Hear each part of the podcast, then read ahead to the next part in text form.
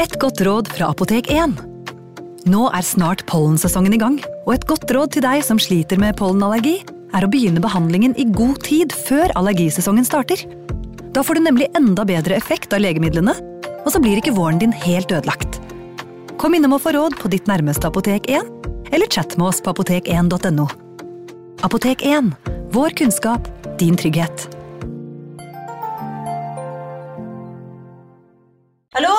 Jeg kommer fra Oslo politikammer. Ine Jansen er purk. Er du purk? The motherfucking bitch. Alt jeg vil, er å finne ut hva som skjedde med mannen min. Jon Carew. Er jeg sikta for noe? Iben Akeli. Det er du. Ole So, Lars Berrum og Big Daddy Karsten. Hvem sin side er du på, egentlig? Anette Hoff, Tone Danielsen, Kommer du fra Afrika? Jørnis Josef, Nesten kløfta. Trond Espen Seim, Det er synd å si det, men det var feil mann som døde. Purk. Premiere tirsdag på TV2 Play. Ungsamtalen fra DNB er økonomisk veiledning tilpasset deg som er ung. Bokk en ungsamtale på dnb.no. slash ung. Det er kjempebra hvis du skal inn på boligmarkedet, hvis det er drømmen din, liksom. Det er det du skulle sagt. Og så kunne du ropt litt mer, da, sånn som jeg gjorde. Bam! Advarsel.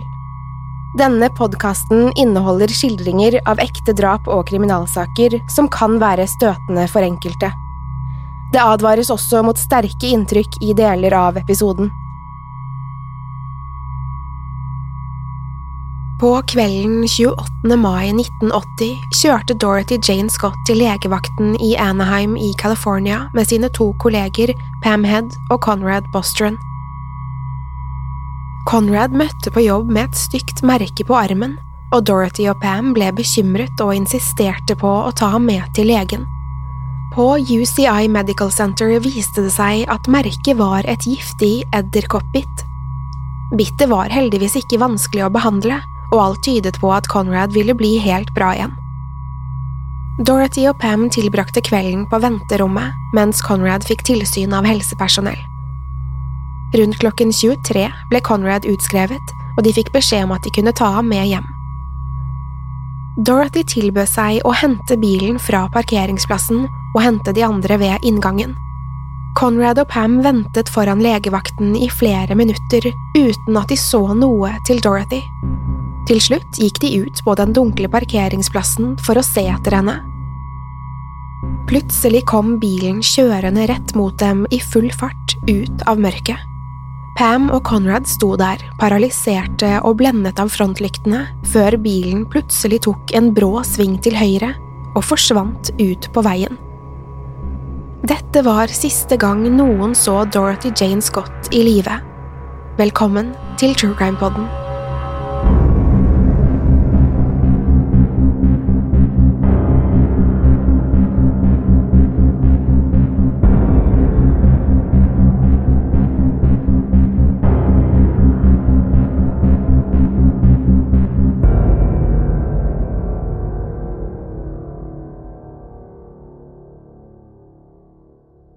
Dorothy Jane Scott var en 32 år gammel kvinne som bodde i byen Stanton, California, sammen med sin tante og fire år gamle sønn Sean.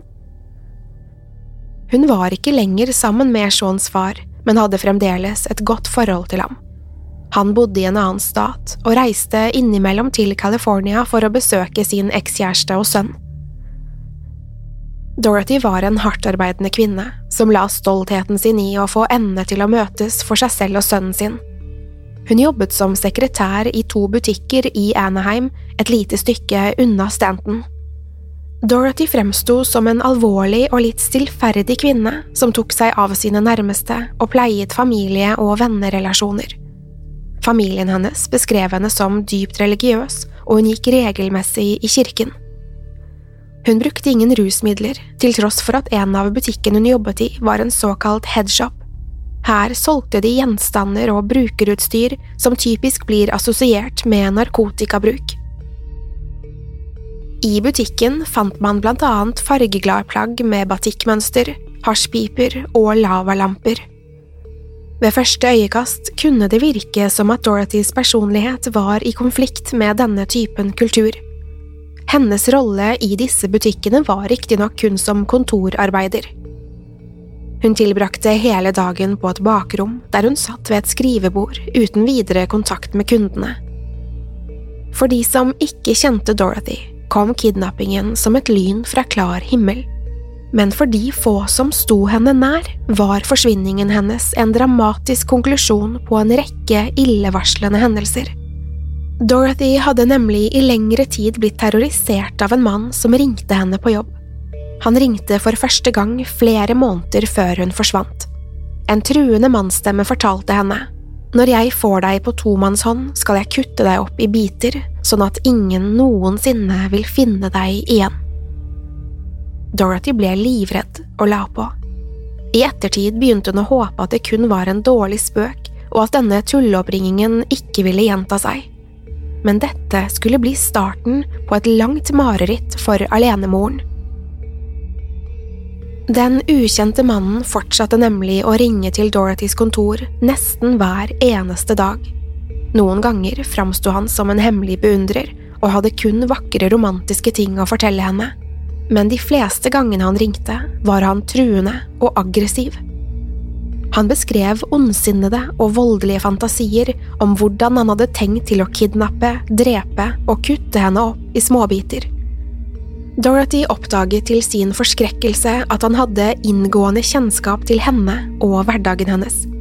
Hun forsto snart at han hadde fulgt etter henne og holdt øye med henne over lang tid. Han beskrev ofte antrekket hennes, jobben hennes, og noen ganger hadde han fullstendig oversikt over alle bevegelser hun hadde foretatt seg i løpet av dagen. Han visste hvor hun jobbet, hvor hun og foreldrene hennes bodde, og at hun hadde en liten sønn som de passet mens hun var på jobb. Besettelsen var truende og skremmende nok i seg selv, men den ukjente mannen var i tillegg veldig eksplisitt i beskrivelsen av hvordan han ville kidnappe og drepe henne. En dag ringte han til kontoret hennes og fortalte at han hadde lagt igjen en gave til henne utenfor. Dorothy ble nervøs for hva han kunne ha funnet på, men gikk likevel ut for å se hva dette kunne være. Da hun kom ut på gaten, lå en enslig, vissen rose på panseret på bilen hennes. Det ble etter hvert tydelig for Dorothy at mannen var fullstendig besatt av henne, og for hver dag som gikk, ble hun mer og mer bekymret. Hun fryktet at den ukjente mannen skulle dukke opp og gjøre nøyaktig det han hadde truet med. Dorothys redsel fikk henne etter hvert til å kontakte politiet for å varsle dem om denne forfølgeren. Politiet reagerte med å feste en stemmeopptaker på telefonen hennes. Den gjorde dessverre ingen nytte, da det ikke var mulig å identifisere mannen ut fra stemmen. Dorothy selv mente at stemmen hørtes litt kjent ut, men hun klarte ikke å plassere hvor hun hadde den fra. Hun ble veldig fortvilet da politiet ikke kunne gjøre noe mer for å hjelpe henne, mens de skremmende oppringingene bare fortsatte. De truende telefonene fortsatte nesten hver eneste dag i flere måneder, og dette gjorde henne til slutt fullstendig nedbrutt og livredd. Den desperate frykten hun etter hvert må ha kjent, drev henne til å begynne å trene karate for å kunne forsvare seg hvis hun skulle bli angrepet. Hun hadde fortalt venner at hun planla å kjøpe et håndvåpen. Dessverre begynte hun med karatetreningen kun én uke før den fatale dagen i mai, og hun rakk aldri å skaffe seg et våpen å forsvare seg med. På morgenen den 28. mai leverte Dorothy Shaun hos foreldrene som vanlig, før hun dro på jobb. Hun traff kollegene sine på et personalmøte i butikken og la merke til at hennes kollega Conrad Bostron var i dårlig forfatning. Han klaget over smerter i armen, der han hadde et rødt og betent merke. Dorothy tilbød seg å kjøre ham til legevakten, og deres felles kollega Pam Head ble med dem. På veien stoppet de hos Dorothy sine foreldre, slik at hun skulle få sett til sønnen sin. Hun benyttet samtidig anledningen til å skifte til et annet skjerf. Da de ankom legevakten og Conrad ble undersøkt, ble det etter hvert klart at han var bitt av en sort enke, en giftig edderkopp. Mens Conrad fikk behandling inne på legevakten, satt Dorothy og Pam på venterommet og leste ukeblader. Etter noen timer fikk Conrad endelig klarsignal til å reise hjem. Dorothy gikk for å hente bilen, mens Pam og Conrad ventet ved inngangen. Da de ikke så noe til Dorothy, gikk de ut til den mørke parkeringsplassen for å se etter henne. Dorothys bil kom plutselig i full fart mot dem. De ble blendet av frontlysene og kunne ikke se hvem som satt bak rattet. På dette tidspunktet hadde de ingen grunn til å tro at det var noen andre enn Dorothy som kjørte bilen. Pam og Conrad veivet med armene for å fange oppmerksomheten hennes, men bilen tok en skarp sving mot høyre og forsvant ut på veien. Pam og Conrad sto forvirret igjen på parkeringsplassen. De har senere forklart at de antok Dorothy hadde blitt engstelig for sønnen sin, og at hun hadde kjørt i full fart til foreldrenes hus for å sjekke om alt var bra med Sean. Senere, da Dorothy fremdeles ikke hadde kommet tilbake for å hente dem, og det viste seg at hun ikke hadde dratt hjem til foreldrene sine, meldte de henne savnet til politiet. Politiet virket ikke altfor bekymret. De antok at hun hadde forsvunnet av egen fri vilje. Men neste dag, klokken 04.30 om morgenen, ble Dorothys bil funnet ca. 1,5 mil fra legevakten der den sist hadde blitt observert. Bilen sto i en bakgate i byen, men det mest foruroligende var at den hadde blitt satt fyr på og sto fremdeles i full brann da den ble funnet. Tiden som fulgte, ble en vanskelig tid for vennene og familien til Dorothy. Hun hadde tilsynelatende bare forduftet i løse luften en varm maikveld i Anaheim, California. Igjen satt familien hennes og hennes fire år gamle sønn, som ikke klarte å forestille seg hvor hun kunne være. Til deres store fortvilelse var det heller ingen spor som kunne si dem noe. Bilen var helt ødelagt av brannen, og politiet klarte ikke å finne noen ledetråder som kunne hjelpe dem i jakten på Dorothys kidnapper. Etter funnet av den utbrente bilen mente de riktignok ikke lenger at Dorothy hadde forsvunnet av egen fri vilje, men de sto likevel på bar bakke når det gjaldt å finne ut hvem som hadde tatt henne. Ingen visste hvor Dorothy var, eller om hun i det hele tatt var i live. De som kjente Dorothy, begynte snart å tenke på den skremmende mannen som hadde ringt og terrorisert henne i flere måneder. Det var naturlig å tenke at personen som hadde kidnappet Dorothy og mannen som hadde ringt henne nesten daglig, var én og samme person. Men dette bidro likevel ikke til at politiet var nærmere å oppklare saken. Ettersom de aldri hadde tatt Dorothys bekymringsmeldinger på alvor, fikk de heller aldri sikret noen spor etter forfølgeren hennes. Det var forferdelig for Dorothys foreldre å tenke på at politiet kunne ha valgt å lytte til datteren og tatt bekymringene hennes på alvor. Hvis de hadde gjort det, kunne kidnappingen sannsynligvis ha vært forhindret, og Dorothy kunne fremdeles ha vært hos dem. Men politiet gjorde dessverre ingenting for å sikre denne mannen, som terroriserte offeret sitt i flere måneder før han plutselig slo til. Nå som Dorothy var forsvunnet, var tiden knapp, og politiet sto på bar bakke. Det sies at den første tiden etter en forsvinning er kritisk. Dagene gikk uten at Dorothy kom til rette, og uten at de hadde noe annet å gå etter enn den utbrente bilen hennes. En onsdag to uker etter at Dorothy ble kidnappet, ringte telefonen hjemme hos foreldrene hennes. Moren til Dorothy, Vera, var alene hjemme og tok telefonen. En truende mannsstemme spurte, Kjenner du Dorothy Jane Scott? Da Vera svarte bekreftende, fortsatte mannsstemmen, Vel, jeg har henne. Dette var den første av en lang rekke forstyrrende telefonoppringninger som moren til Dorothy måtte gjennom.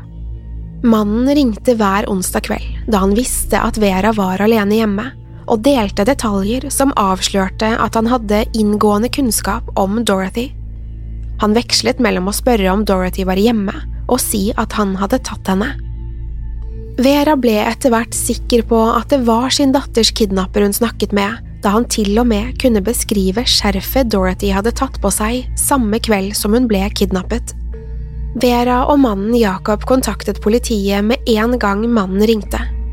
Politiet ba Vera og Jacob om å ikke dele noe om datterens forsvinning eller mannen som ringte til dem. De ønsket å etterforske samtalene og forsvinningen i ro, uten forstyrrelser fra media. Dagene gikk uten at politiet kom noe nærmere å finne datteren deres. Snart begynte de livredde foreldrene å frykte at Dorothy hadde blitt utsatt for noe forferdelig.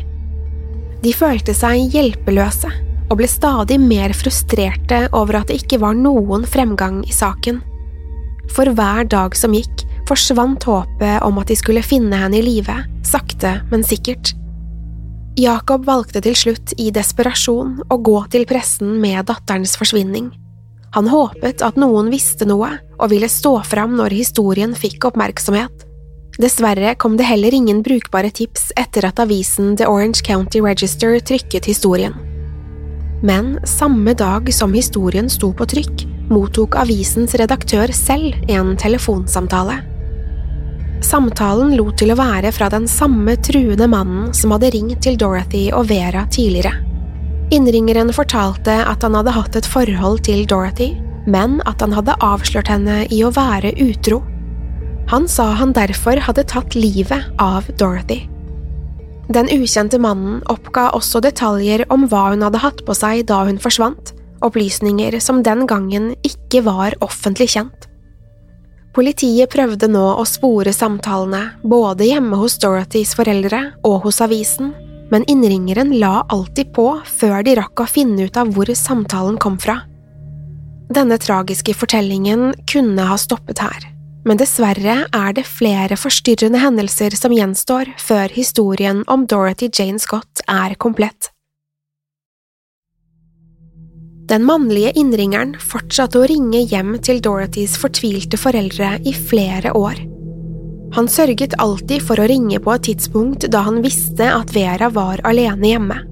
Budskapet i samtalene varierte, men var alltid grusom å høre på for Vera. Han fortalte at han hadde Dorothy, og at han hadde drept henne.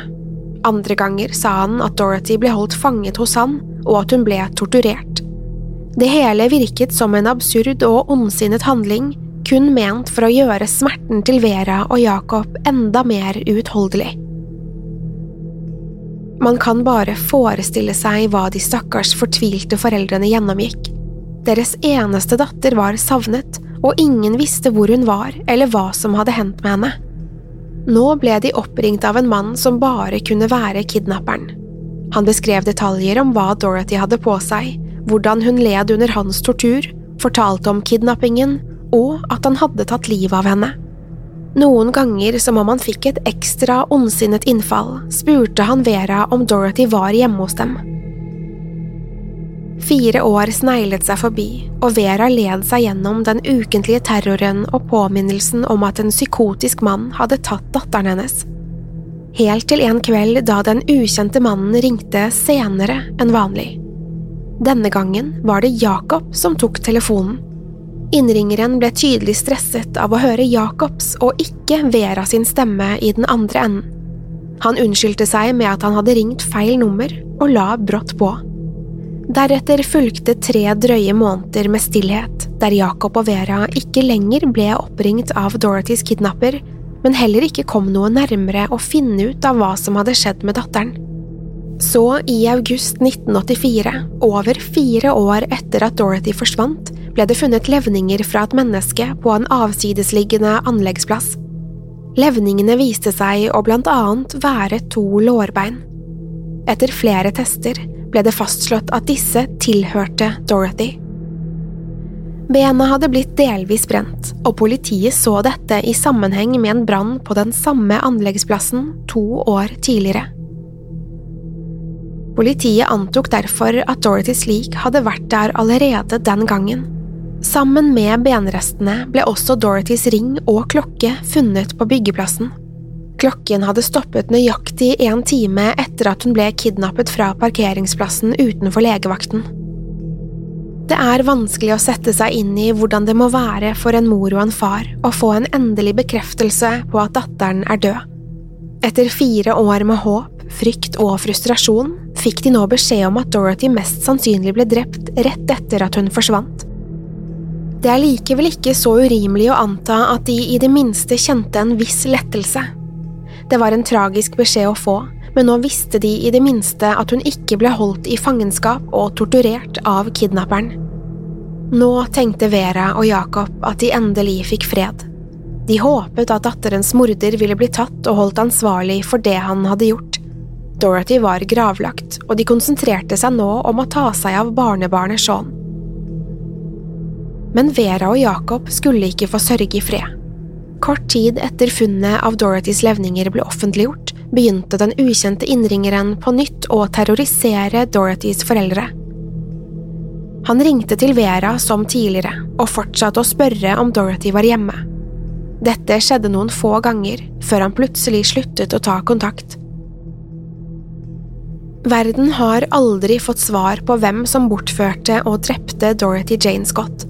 Det er naturlig å tenke at mannen som holdt øye med henne og ringte til Dorothy og hennes foreldre, er den samme mannen som tok henne, drepte henne og kvittet seg med liket. Kanskje spesielt siden han hadde en slik inngående kjennskap til Dorothys antrekk da hun forsvant. Men hvem kan dette ha vært? Ifølge kolleger mente Dorothy at hun kjente igjen stemmen til mannen som ringte henne, men hun klarte aldri å plassere hvem stemmen tilhørte. Det kan ha vært en kunde i butikken der hun jobbet, en kollega eller noen andre i omgangskretsen hennes. En teori går ut på at denne mannen var en bekjent av Dorothys far. Da Jacob tok telefonen, la den ukjente mannen på røret nesten med en gang. Noen mener at dette kan ha vært fordi faren til Dorothy ville kjenne igjen stemmen og dermed vite hvem som ringte. Hva om den ukjente innringeren hadde rett i at han hadde et romantisk forhold til Dorothy? Ifølge familien hennes hadde Dorothy truffet menn ved et par anledninger, men de kjente ikke til at hun hadde en fast kjæreste da hun ble bortført. Hun hadde rett og slett ikke tid til et romantisk forhold da hun sjonglerte to jobber og var eneforsørger for en fire år gammel gutt. Dorothys tante var også fast bestemt på at hun ikke hadde noen kjæreste da Dorothy bodde hjemme hos henne. Hun var overbevist om at hun hadde merket det hvis Dorothy hadde truffet en mann. Levningene etter Dorothy lå ikke alene i graven på anleggsplassen. Sammen med Dorothys skjelettrester lå også andre typer bein, og analyser av disse viste at hun hadde blitt begravet sammen med en hund. Dette fikk mange til å spørre seg om hun hadde blitt drept i forbindelse med et religiøst ritual, noe som gjorde at politiet midlertidig rettet søkelyset mot den lokale mannen Mike Butler. Butler passet godt inn i et narrativ om rituelle drap, da han var over gjennomsnittet interessert i det okkulte. Han hadde også en relasjon til Dorothy, da søsteren hans var en kollega av henne. Noen rykter ville også ha det til at han hadde en usunn besettelse av henne. Dette førte ikke til en arrestasjon av Mike Butler, da det ikke eksisterte noe bevis for at han hadde noe med saken å gjøre. Koblingen til det okkulte var mildt sagt tynn. Mike Butler ble aldri siktet av politiet for å ha hatt noe med Dorothys forsvinning å gjøre. Historien om Dorothy Jane Scott står som et tragisk vitnesbyrd på at politiet ikke har hatt for vane å ta forfølgere eller stalkere på alvor. Dorothys bekymringer ble ikke fulgt opp av politiet, selv da hun daglig ble oppringt av noen som truet med å drepe henne. Dette var åpenbart ikke en spøk, men noen som faktisk holdt øye med henne store deler av dagen. Forsvinningen hennes ble heller ikke tatt på alvor, til tross for at hun i flere måneder hadde snakket med politiet om at hun var livredd og følte seg truet av denne ukjente mannen. Da politiet endelig forsto at de hadde med en bortføring å gjøre, var det for sent. Hvem som drepte Dorothy, er fortsatt, 41 år etter drapet, et åpent spørsmål. Dorothys sønn Sean, som nå er en voksen mann, leter fortsatt aktivt etter sin mors morder og håper å en dag få svar på hva som skjedde med henne.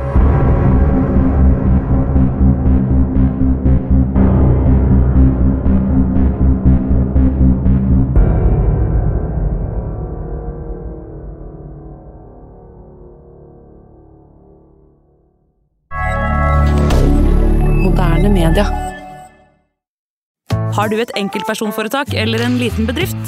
Da er du sikkert lei av å høre meg snakke om hvor enkelt det er med kvitteringer og bilag i fiken, så vi eh, gir oss her, vi. Fordi vi liker enkelt. Fiken superenkelt regnskap. Hei! Takk for at du lytter til True Crime Podden. Skulle du ønske at du kunne høre en ny episode av denne podkasten hver eneste uke? Vel, da er det bare å laste ned podkastappen Untold med en gang. I tillegg til ukentlige episoder av podkaster som Skrekkpodden, Synderne og Henrettelsespodden, får du masse annet reklamefritt og eksklusivt innhold. Last ned Untold i AppStore eller Google Play, og start din 30 dagers prøveperiode i dag.